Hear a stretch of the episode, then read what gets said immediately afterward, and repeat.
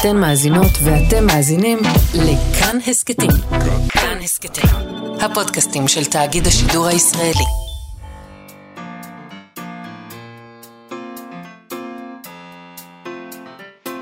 מה שכרוך עם יובל אביבי ומה יעשה לה.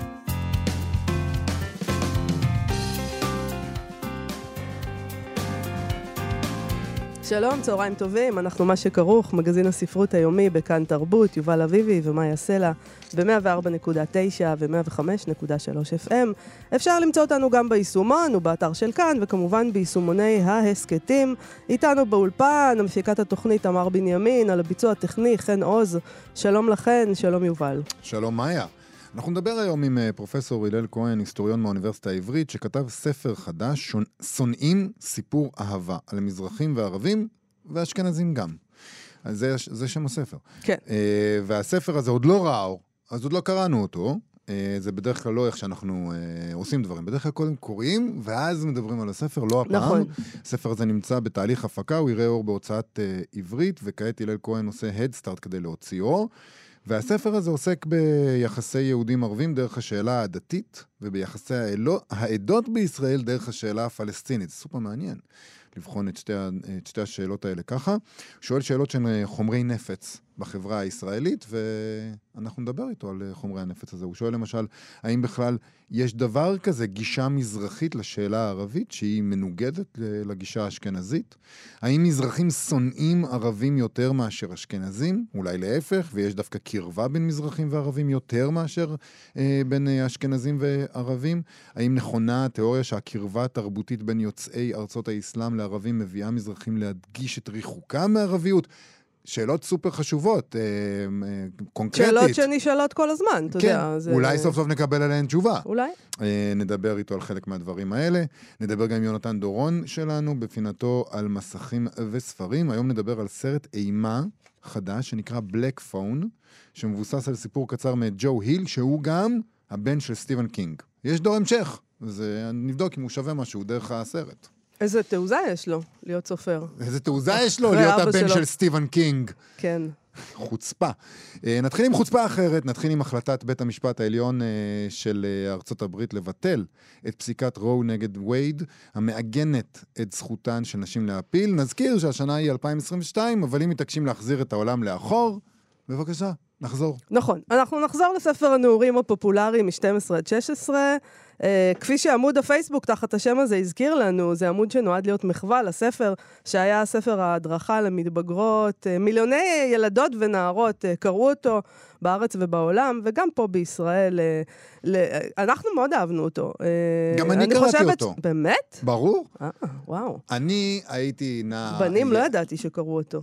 רצו ש... להציץ. כן, יש לך אחות גדולה, כמו במקרה שלי, ויש לה את הספר. זה מעניין. לנו לא קנו ספרים, לנו הניחו שאנחנו יודעים הכל לבד. תתרג... אצלכם זה פשוט, ככה הם חשבו. uh, טוב, לכולנו היה אותו, בוא נודה. Uh, אני דווקא זכרתי אותו בחיבה. Uh, באופן מוזר, אבל אני חושבת שזה בגלל סתם, כי הזיכרון מתעמעם, ואז אתה זוכר בחיבה... כי לא קראת אותו מאז, כאילו... Uh, לא, אבל גם אז, זאת אומרת, אז זה לא היה כזה מזמן, זה לא היה, ב, אתה יודע, בזמן המערות. נכון. היו שם דברים עדיין שכנראה אמרתי לעצמי, טוב, מה זה השטויות האלה? אבל אבל אתה יודע, נטע חוטר הזכירה לנו במאקו כבר בשנת 2016, שזה היה מדריך שהסביר לנו בעצם איך לשנוא את עצמנו.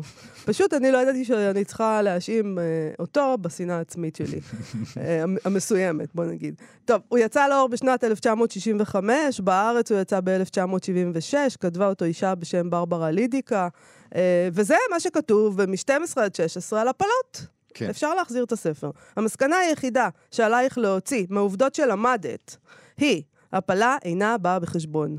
בשם הפלה, היא כותבת הפלה במרכאות, בשם הפלה מכנים פעולה רפואית אשר באמצעותה מפסיקים הריון ומוציאים את הוולד מגוף אמו בטרם הוא בשל להיוולד.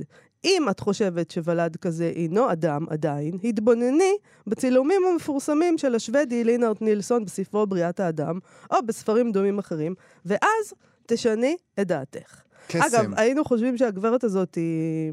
אמריקאית כזאת צדקנית. אה, אבל אה, אבל- האמת היא שהיא גרמניה, אה, האישה הזאת שכתבה את הספר. גרמניה צדקנית. צדקנים באים מכל העדות, מכל העמים, בכל הדתות. אה, זהו. זה נכון. אה, ועדיין זה מזעזע ש... את יודעת, זה גם- מה שסיפרו לנו. את יודעת, אבל זה הקטע, שאם אתה נערה בשנות ה-70 או ה-80, כן. אז אתה לא... אז זה, לא, זה שאתה נער זה לא אומר שאתה דביל. אז את קוראת את זה בספר, ואת לא אומרת לעצמך, זהו, זאת האמת. כאילו, את פשוט אומרת, טוב, אבל נו, נניח- על זה אני אדלג. נניח שאת קוראת כל מיני עצות שם שמאוד מאוד עוזרות לך, Mm. כי אף אחד לא דיבר על הנושאים האלה. ובקשר לזה, את לא לגמרי החלטת מה את חושבת, וכבר עזר לך הספר בכל מיני דברים מאוד לא, חשובים. הספרים האלה לא עוזרים לך, מעבירים איתם את הזמן. אסור לקחת ברצינות יותר מדי את הספרים האלה. אני לא, אני לא יודעת, אני לא זוכרת את זה זה כאיזה מין... שאת אני לא זוכרת את זה יכולה, כאיזה לא מין כזה... אוי, לא. קראתי בספר והלכתי ועשיתי משהו. זה, זה היה שעשוע כזה, זה כמו לקרוא מעריב לנוער, לעשות בכלל את עצמך, זה לא דבר רציני, כאילו. אני לא יודע, מעריב לנוער אנשים... לא אה, לזלזל בבני נוער, בבקשה. אני לא מזלזל, אבל אני חושב שאנשים כתבו למעריב לנוער אה, כל מיני אה, אה, שאלות למדור על בנים ועל בנות, וקיבלו נו. תשובות, ואחר כך הם, אה, יכול להיות, אה, הקשיבו לתשובות האלה. זה כאילו, זה שאת לא הקשבת ויד, ו, וידעת לסנן את מה שמתאים לך ומה שלא מתאים לך, לא אומר שזה לא גרם נזק לנערות אחרות. בסדר. אנשים לוקחים לא- ברצינות את המדריכים האלה, וגם הורים וכל מיני אנשים קונים את הספרים האלה ברצינות, כי הם לא רוצים לדבר עם הילדים שלהם על הנושאים האלה. אז זה זהו. זה אני יכולה להגיד אה, שאז, ב- כשאני גדלתי, לא, ההורים לא התעסקו בתכנים של הספרים של הילדים. הם, אתה, הם לא התעסקו בה- בהבלים כאלה, התעסקו בעניינים שלהם. כל אחד התעסק בעניינים שלו, לא בדקו מה אנחנו קוראים, מה כתוב שם. וזה לא כזה נורא, בכל זאת הצלחנו להיות אנשים תבוניים. חלק מאיתנו הצליחו. רובנו חלק מאיתנו. הצלחנו, יובל, רובנו אה, הצלחנו. מי שהגיע עם מטען טוב אה, לקריאת הספר הזה, יצא עם מטען טוב מה מקריאת זה הספר מטען הזה. טוב? כל אחד יש לו common sense בעולם. לא, זה פשוט לא נכון. טוב. אה, חלק מהאנשים צריכים יותר עזרה מאחרים, אבל אה, לא מ-12 עד 16 תקבלו את העזרה הזאת. אה, אם כבר אנחנו הולכים אחורה, באותו עמוד פייסבוק ממשיכים עם נוסטלגיה עם ספר מכונן אחר, ההיא נאה. של חיה פלדמן שראה אור ב-1969, איי, איי, זה יופי. ספר שמצאתי ברחוב לא מזמן, אגב. כן? נפלא. ואת אה, לא, קוראת אותו חלום. ומפנימה את כל העצות? אתה לא רואה שאני נאה יותר? מה- זה, זה בזכות בשבילי, הספר. לא, תמיד היית אה, מאוד מאוד נאה, ו- וזה לא אבל השתנה. אני יותר נאה היום, וזה כי אני קראתי אותו. אז אני תוהה האם את העצה הבאה את אה, מיישמת. יש פה עצה עצה טובה. מה לעשות עם מה ספרים. לעשות עם ספרים, כי יש. יש המון ספרים. לקרוא, אה, לא תקראי אותם, כי, כי זה ספר לנשים. מה, מה ספרים פה? אתן צריכות אותן לדברים אחרים. ככה זה הולך. טעות נוספת ביציבתך היא האופן בו את נושאת את ראשך. בכלל האופן בו אתן נושאות, את זה אני אומר, אתן, האופן בו אתן נושאות את עצמכן, זה חורה לי, כגבר. אה, אבל תוכלי לתקן זאת בנקל, היא כותבת. דרך אחת היא להטות את עורפך לאחור כלפי צווארון בגדך. אני חייב להגיד שאת מיישמת פה מולי. למאזינים שלא צופים בנו כי אין פה טלוויזיה, מאיה מנסה ליישם בזמן אמת, זה מאוד יפה. אז uh, להטות את עורפך לאחור כלפי צווארון בגדך. דרך שנייה, בבקשה תנסי את זה גם כן, דמייני לעצמך שרצועה קשורה מתחת לסנטרך, וקצותיה קבועים בתקרה ומושכים את ראשך כלפי מעלה. שזה הדרך שלנו לשים אתכם ברצועה. לא קל. לא קל, אבל זה, זה, זה שאיפה שלנו. שימי ברצועה. דרך שלישית, מקובלת ביותר, זה הדרך עם הספרים. קחי את הספר העבה ביותר שאת יכולה למצוא בביתך, ושימי על קודקודך, יש גם תמונה, ראי תמונה בעמוד 25. וואו, זה, אני חושבת שהספר הכי עבה שיש לי בבית זה המילון, מהמם. אה, מילון אבן שושן. זה מהמם. קצת, יותר זה מאשר פרנזן. החדש. הוא יותר מפרנזן החדש, כן. אז שימי אותו על הראש. כן. אם אין לך ספר כזה עבה, כמו אנציקלופדיה או אה, מילון עב אה, הנה, בבקשה. קחי שלושה או ארבעה ספרים רגילים, שלושה או ארבעה ספרים רגילים. הניחי אותם אחד על גבי השני ונסי לאזנם על ראשך, כשאת עומדת, מהלכת או אף עולה ויורדת במדרגות. אם בלי משים לרגע הרכנת את ראשך לפנים או הצידה, תיווכחי במהרה שהספרים לא יחזיקו מעמד על ראשך. עשי תרגיל זה מדי יום ביומו, לאחר שתיקנת את טעות, טעויותייך. עלייך לשמור על הרגלי היציבה הנכונים והטובים, אך בד בבד הקפידי שתנועותייך לא תהיינה קשוחות ומאוסות. היית גמישה, אך לא מתוחה. גם וגם. וזה טיפ טוב לכולכן.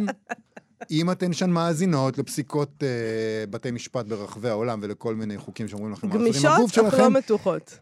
תעשו מה שאתם רוצות עם הגוף שלכם, כל עוד אתן גמישות ולא מתוחות. בסדר. אם אנחנו כבר הולכים אחורה עד שם, בוא נלך עוד יותר אחורה. למה? יאללה. למה? 65 זה כלום. נלך אל אריסטופנס היווני ואליזיסטרטה, המחזה שהוא כתב בשנת 411 לפני הספירה. מדובר שם בתקופת המלחמה בין אתונה לספרטה, ואישה אתונאית בשם ליזיסטרטה מזמינה נשים מאתונה ומערי האויב למפגש סודי, היא מציעה להן להימנע מסקס עם הגברים שלהן עד שיסכימו להפסיק את המלחמה, זה יותר מיסכימו להפסיק את המלחמה. הם בעצם מנהלים את הכספים של, ה, של המקום הזה, ואת הכספים האלה הם מוציאים על מלחמה, והיא אומרת להם, הם, הם, גם אנ- אנשים ישבו כאן בשולחן ויחליטו מה עושים עם הכסף. בדיוק היה לפנינו, אה, לפני החדשות, את הפינה כזאת של אה, מחיות כיס, שבה מסבירים שברווחה, אם נותנים לאישה 100 דולר, היא כן. תשקיע 90 אחוז מתוכם במשפחה שלה או בקהילה שלה, ואם נותנים 100 דולר לגברים, אז הם משקיעים רק 25 אחוזים בחזרה במשפחה או בקהילה, מה שאומר שאם רוצים שיהיה לנו יותר טוב, צריך לתת את הכסף לנשים. יפה. Uh, התרגום uh, של המחזה הזה הוא כמובן של אהרון שבתאי, uh, ואני רק אקרא את השבועה שהיא משביעה אותן, את הנשים. שום מאהב או בעל לא ירש, יורשה להתקרב אליי עם זקפתו. ללא מרביע אקנן לי בביתי, בתחתונית שקופה ומאופרת טוב, שבעלי יבער מתאווה אליי. אך מרצון לא אתמסר לבעלי, ואם בעל כורחי הוא יאנוס אותי, אתן לו בעוינות, ולא אזיז איבר, ולא ארים רגליי לעבר התקרה, ולא אפנה את אחוריי כמו לביאה. אשתה לאות שאקיים את שבועתי, שיתמלא הספל מים אם אבגוד.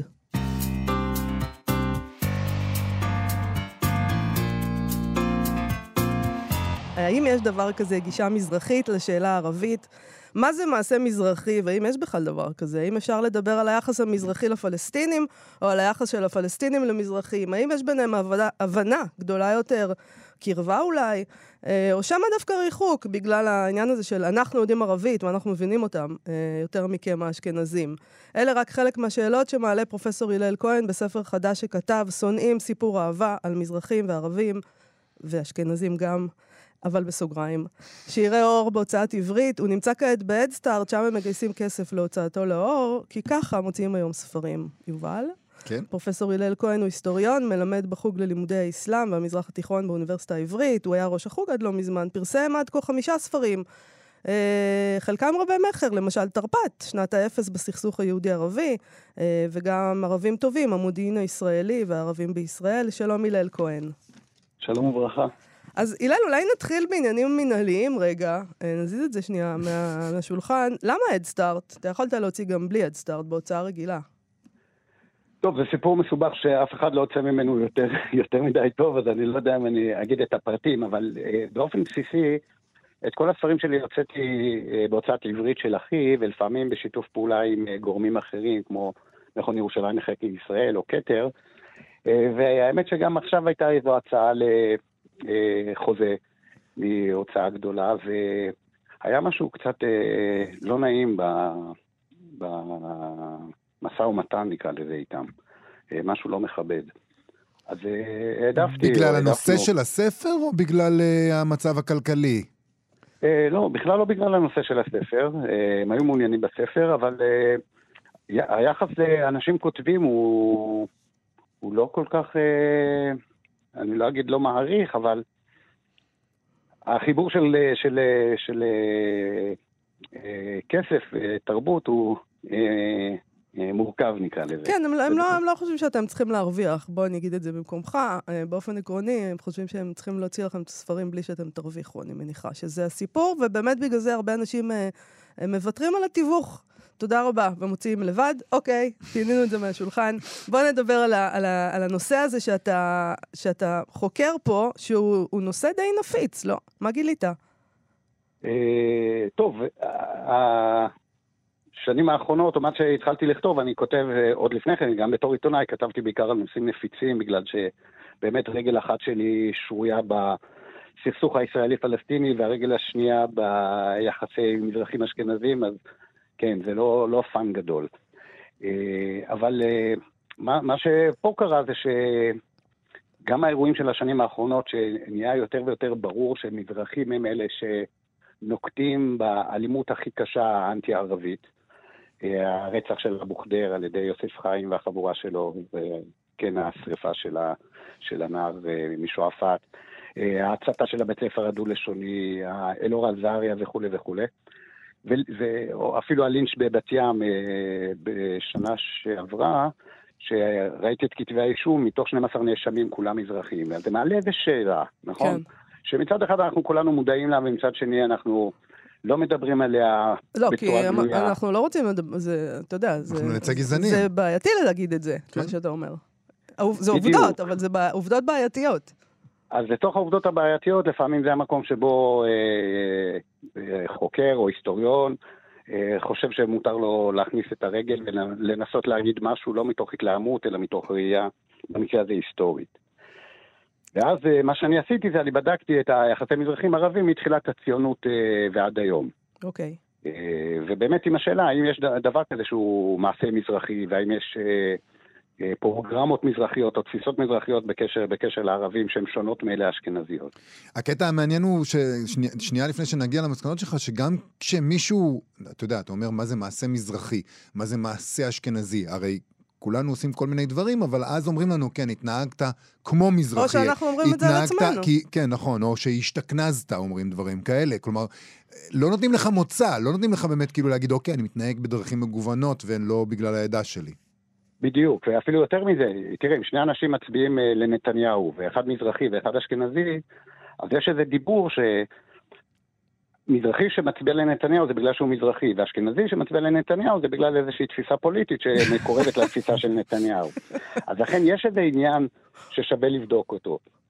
עכשיו שוב, אני בתור אה, חוקר, כשאני בא לחקור את הנושא הזה, אז אני צריך להחליט איך, איך אני מגדיר מעשה כמעשה מזרחי. Mm-hmm. מהלך מחשבתי אה, לא פשוט מצד אחד, אבל אינטואיטיבי מצד שני. אז איך אתה מגדיר מעשה מזרחי? אני מגדיר מעשה מזרחי כמעשה שמי שעושה אותו אומר, פעלתי מתוך המזרחיות שלי, mm. או אם אני רוצה להבין איך אחרים רואים את המזרחיות, שאנשים מבחוץ אומרים, טוב, הוא עשה את זה בגלל שהוא מזרחי. אני אתן דוגמה. כן. אה, יונה אברושמי, כשהוא זורק את הרימון על אמיל גרינצוויג, באותה הפגנה של שלום עכשיו, ש... אה, בזמן המלחמה בלבנון, mm-hmm. הראשונה, אז כשהוא יוצא מה... אה, מהכלא, הוא אומר בריאיון לשרה ליבוביץ' דר, אני עשיתי מעשה מזרחי. כן. כי המזרחים אה, שונאים את הבוגדים האשכנזים. נגיד דבר מהסוג הזה. אז כאן יש לנו את זה באופן מובהק. אבל גם כשהפנתרים, אה, צ'רלי ביטון ואחרים הולכים לפגוש את יאסר ערפאת, הם עושים את זה כמזרחים.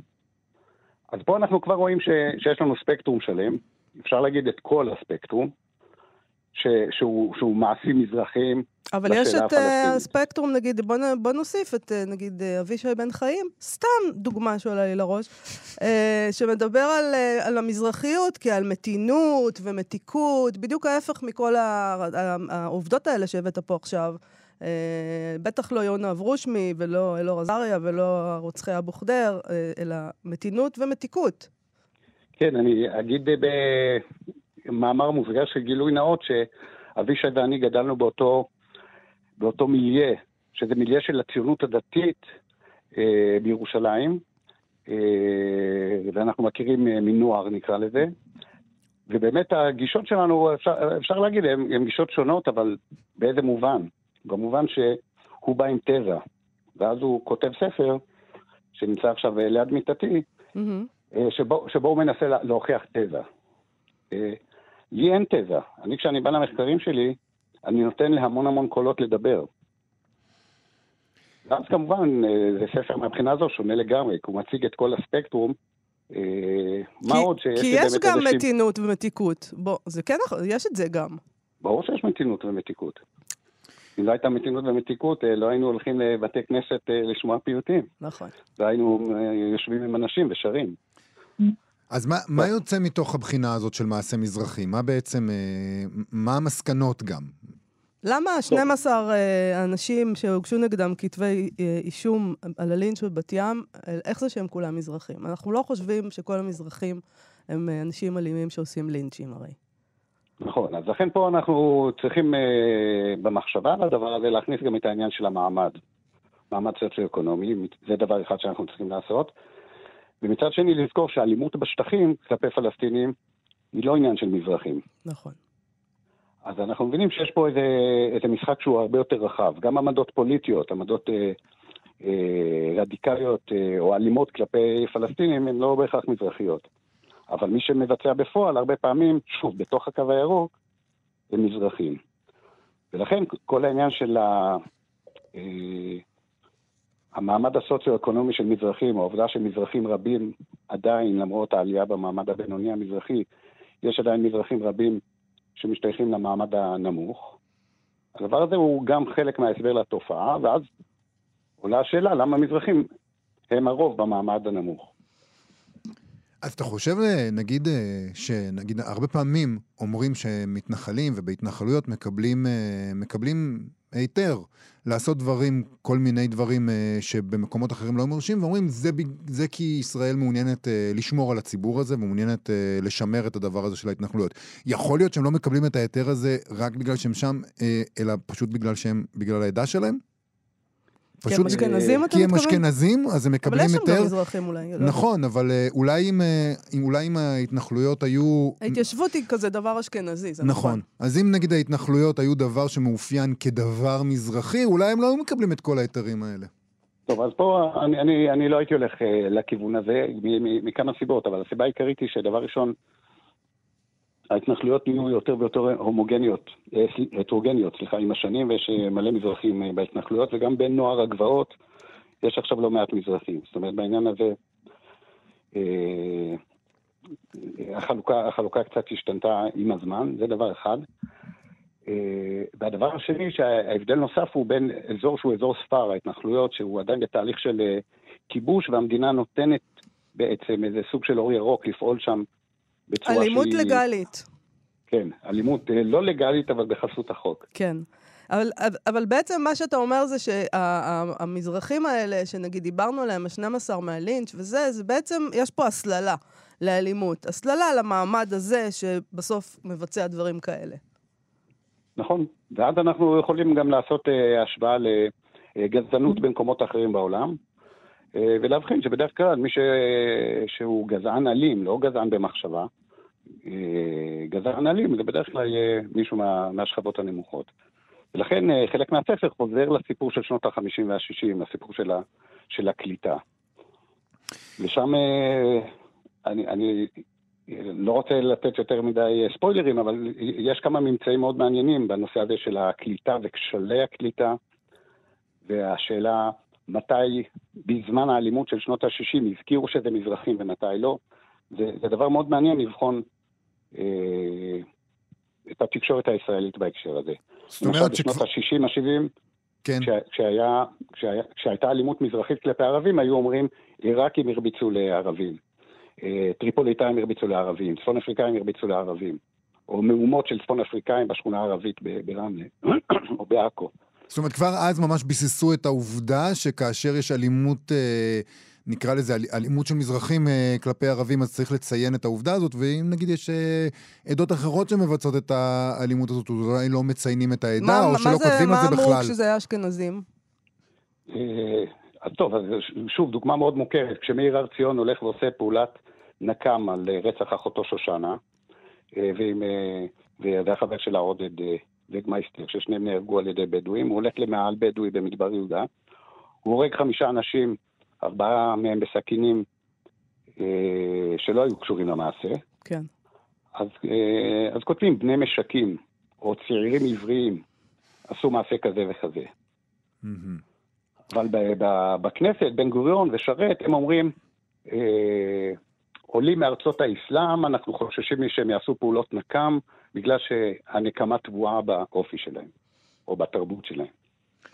תשמע, מצד שני, אבל יש את העניין, את, את הדבר ההפוך לגמרי. מצד שני אומרים, אמ, נכון שהתקווה שלנו, נגיד לבנטיניות, לגבי ההבנה שאנחנו בתוך המקום הזה, ואנחנו צריכים אה, אה, להתמודד עם איך שהמקום הזה, ולא להפוך אותו להיות יותר דומה למה שנדמה לנו שצריך להיות, כאילו אירופה, זה באמצעות בני עדות המזרח, כי הם, אה, ואנחנו רואים גם ניסיונות לזה מצד אה, אנשים. הרי מי שמוביל נגיד אה, תרגומים מערבית בספרות זה אנשים בני עדות המזרח. מי שעוסק בסוגיות האלה של...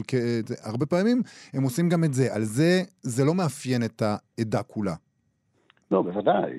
לאורך כל השנים, וזה בעצם, אם, אם חוזרים לתחילת הציונות, אז בעצם הספרדים, כמו שהם כונו אז, הם היו אלה שטענו מול העולים מרוסיה, עולי העלייה השנייה ועולי העלייה השלישית, אתם לא מבינים מה שקורה פה, אתם סתם גורמים למתח בינינו לבין הערבים, תנו לנו לנהל את העניינים אה, אה, ולאפשר פה קיום אה, משותף.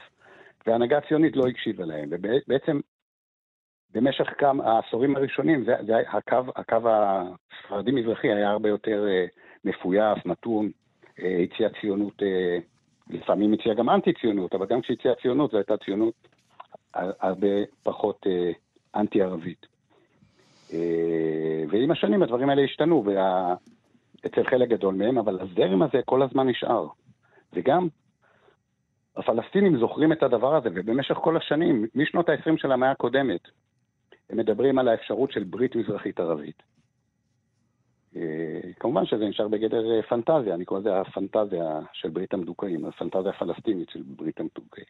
טוב, אני מתה לקרוא את הספר הזה. שונאים סיפור אהבה על מזרחים וערבים ואשכנזים גם, אז נגיד עוד פעם שפשוט אה, אפשר ללכת, וכדאי ללכת Start. ו...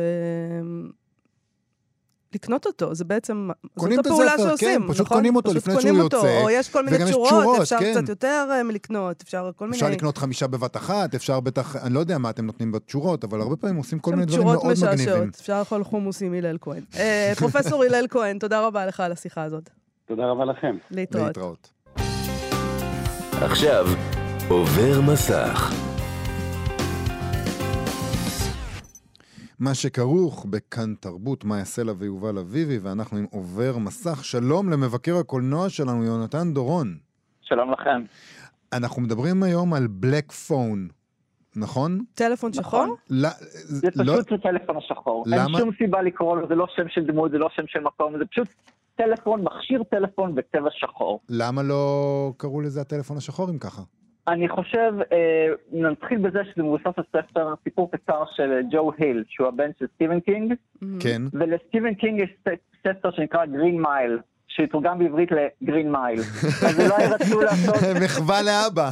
מין, אה, למקרה שאתם לא יודעים שהוא הבן שלו, אולי זה ייתן לכם עוד רמז אם- לפני שאתם צופים. Green Mile, Black Phone, נוח. דברים בצבעים, באנגלית. אה, יש, אה, מי שלא יודע שהוא הבן שלו וצופה בסרט, יגיד, זה מוכר לי מאיפשהו, למה הכל כל כך מוכר לי? אוקיי, אבל יש גם אה. דברים אחרים שג'ו היל אה, דומה בהם לאביו? קודם כל הוא סופר, אוקיי. וסטיבן קינג הוא אחד הסופרים המצליחים ביותר אה, שקיימים היום, והוא מתמחה בעיקר באימה ואימה פנטסטית. וג'ו היל החליט ללכת רחוק וכותב אימה ואימה פנטסטית. וב Black Phone, הטלפון השחור, אה, מתרחש בפרברי דנבר ב-1978.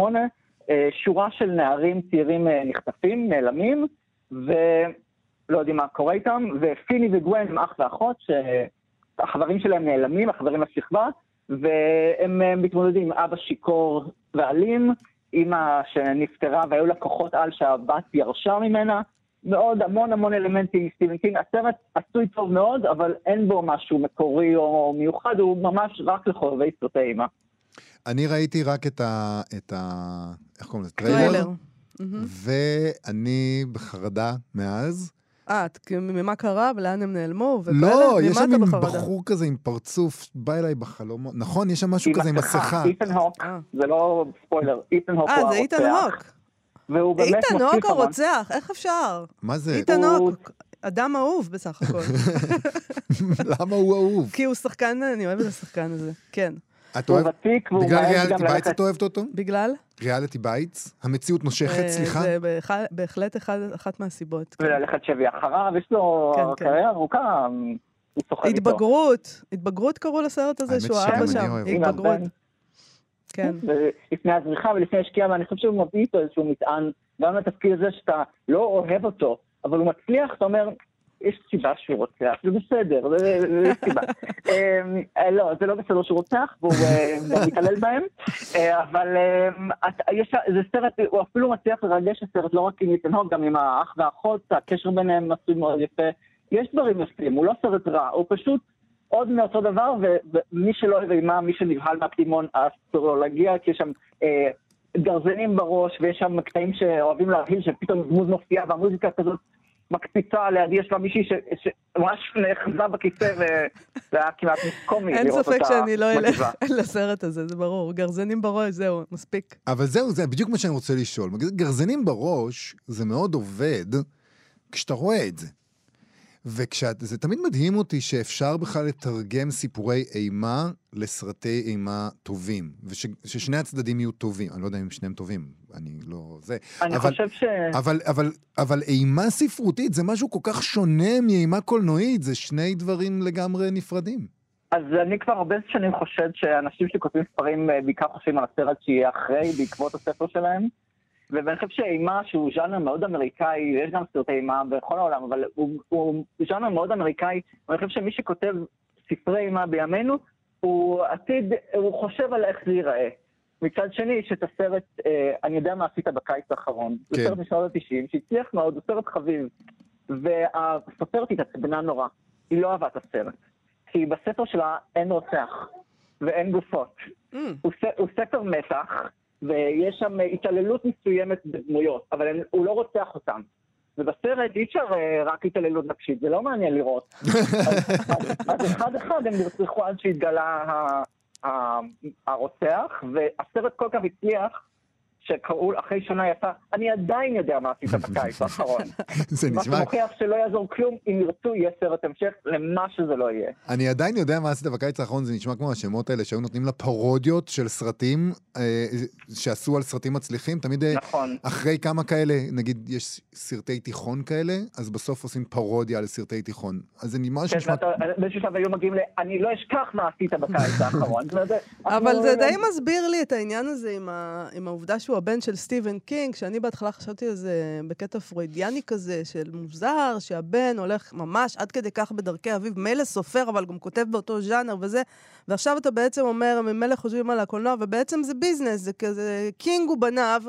אה, הוא הוא נשאר בעסק, הוא ממשיך את העסק המשפחתי בעצם, אני מדמיינת אותם יושבים סטיבן ביחד. קינג הוא הם גם בניו זה מעולה. גם יצאו לאור דברים שהם כתבו יחד, ששניהם חתומים עליו. אה, הוא הוא מנסה לעשות את זה גם קומיקס חביב Locke and Key, שהפך לסדרה של שלוש עונות. והוא מנסה קצת אה, אה, מדע בדיוני, אבל באמת, הצל של אביו כל כך גדול. אני לא מכיר הרבה סופרים שהם בנים של סופרים מצליחים ממש. אה, נכון. הדור בדרך כלל לא מצליח אה, באותו אופן. לא, בורחים למק- למשהו אחר, ובצדק, כאילו, למה לך? אז בסדר, הוא בחר בג'ו היל, הוא לא, הוא לא ג'ו קינג, של, של שאנשים, היה להם איזשהו ספק. מי שצריך לדעת. יודע. אוקיי. אה, בגלל זה, לא יודעת למה, המצאתי עכשיו. למה? King of the Hill, זה נראה לך? זה משהו אמיתי. כן. אולי בגלל זה הוא קרא לעצמו ככה. Mm. אני חושב על אה, משהו. זה השם משפחה שלו זה קיצור של השם האמצעי שלו, אה. בדקתי. אה, אוקיי. אבל חשבתי על זה גם, ג'ו קינג, כשאומרים את זה באנגלית נשמע כמו אני מתבדח, joking. joking, I'm just joking. וזה לא, הוא באימה, הוא לא בקומדיה. תגיד, אבל חוץ מזה שזה אימה פנטסטית, ממש כמו אבא, אולי זו אימה פנטסטית שונה לחלוטין ממה שאבא כותב. זה לגמרי לגמרי שונה. אבל אמרו לך שזה בדיוק אותו דבר. בדיוק אותו לא, דבר. לא, יש, המ- המתים חוזרים ומדברים אל אל הילדים שנחטפים.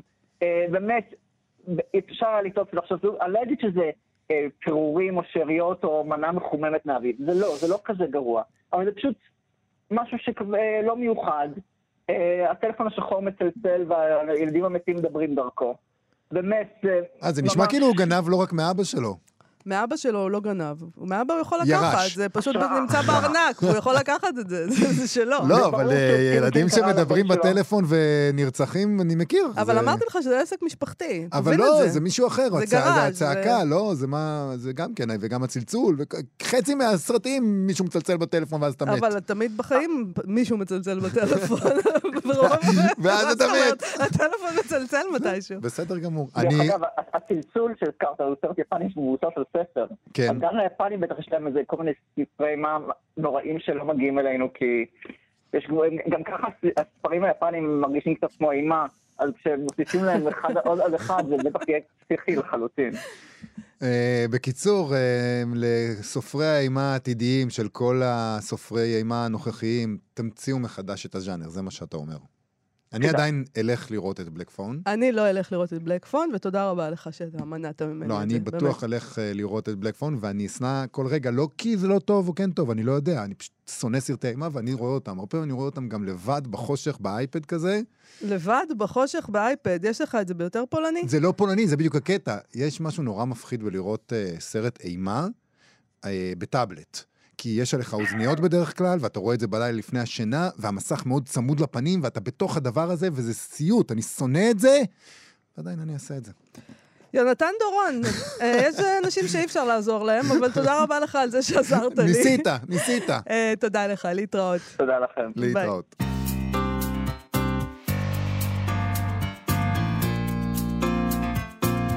סטטוס ספרותי של תמר משמר, שתרגמה את הארגונאוטים, שיצא בהוצאת אסיה. דיברנו איתה כאן על הספר הזה. אה, היא מביאה דברים מהספר ביום המיוחד הזה, שבו בית המשפט האמריקאי ביטל את הזכות של נשים להפלות. לפי הניו יורק טיימס, אה, נראה שההפלות ייאסרו בכמחצית ממדינות ארצות הברית, אם כי בינתיים יש כל מיני תחזיות, עוד לא ברור לגמרי מה יהיה. לפי המרכז לזכויות רבייה, שזה ארגון שנלחם בבתי המשפט נגד ההגבלות על הפלות, ושעוקב אחר חקיקה במדינות ברחבי ארצות הברית, 24 מדינות צפויות לאסור בחוק את ההפלות אחרי ביטול פסיקת רו נגד וייד, ואלו הן אוהיו, אוקלהומה, איידהו, אינדיאנה, אלבמה, אריזונה, ארקנסו, ג'ורג'יה, דרום קרוליינה, דרום דקוטה, וויסקונסין, טנסי, טקסס, יוטה, מיזורי, מיסיסיפי, לואיזיאנה, מישיגן, מערב וירג'יניה, נברסקה, פנסילבניה, צפון דקוטה, צפון קרוליינה וקנטקי. מקסים. טוב, הסטטוס אה, של תמר משמר, היא פשוט אה, מביאה את מגי נלסון על שאלת ההפלות, כאמור, מתוך הארגונאוטים שהיא תרגמה, יצא בהוצאת אסיה. אה, וכך כותבת מגי נלסון, בשבוע ה-28 אושפזתי בגלל איזשהו דימום. בעת שדנו באפשרות של בעיה שלייתית, רופאה אחת אמרה בעוקצנות, אנחנו לא מעוניינים בכך, כי בעוד שזה עשוי להיות בסדר מבחינת התינוק, זה עשוי לא להיות בסדר מבחינתך. כשלחצתי קצת, הבנתי שהיא מתכוונת לכך שבתסריט המסוים הזה התינוק עשוי לחיות, אבל אני לא. אהבתי בטירוף את התינוק המיועד שלי, שהושג במאמץ רב, אבל בשום צורה לא הייתי מוכנה לעזוב את עמק הבכה הזה בשביל ההישרדות שלו. גם לא נראה לי שאוהביי היו שמחים מדי על החלטה כזאת, החלטה שרופאים בכל מקום אחר בעולם מורשים לעשות, ושמתנגדי ההפלות המושבעים כאן פועלים למענה. Uh, המשוררת האלפרוש גם העלתה סטטוס עם שיר שלה שנקרא בעלות, נקרא אותו? בעלות, האלפרוש. הבעלות שלכם מצחיקה אותי. או, כמה אני צוחקת מהבעלות שלכם. כמה בעלות תאהבו, כמה בעלות תרצו, כמה בעלות על הבתים, על העבודות, על התינוקות, על האיברים הפנימיים, על הרוח. הבעלות שלכם היא הרעיון הכי טוב שלכם. היא מרעילה אתכם, היא חודרת לכם לדם.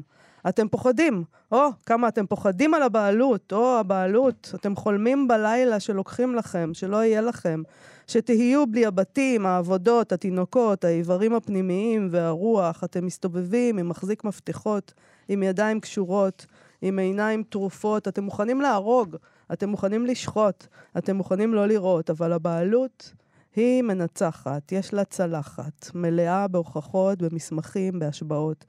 יש לה צבא גמור, צבא חמום, צבא מכור. יש לה אתכם בכיס המעיל, בובות קטנות, עם בתים, עבודות, תינוקות, איברים פנימיים ורוח.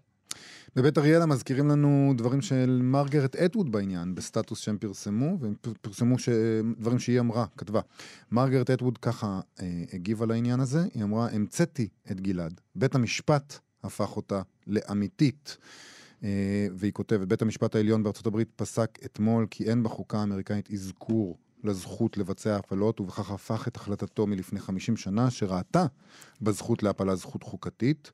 ובמהלך הדיון הציבורי בנושא, מרגרט אטווד, שהיא כמובן, צריך להגיד את זה, זה...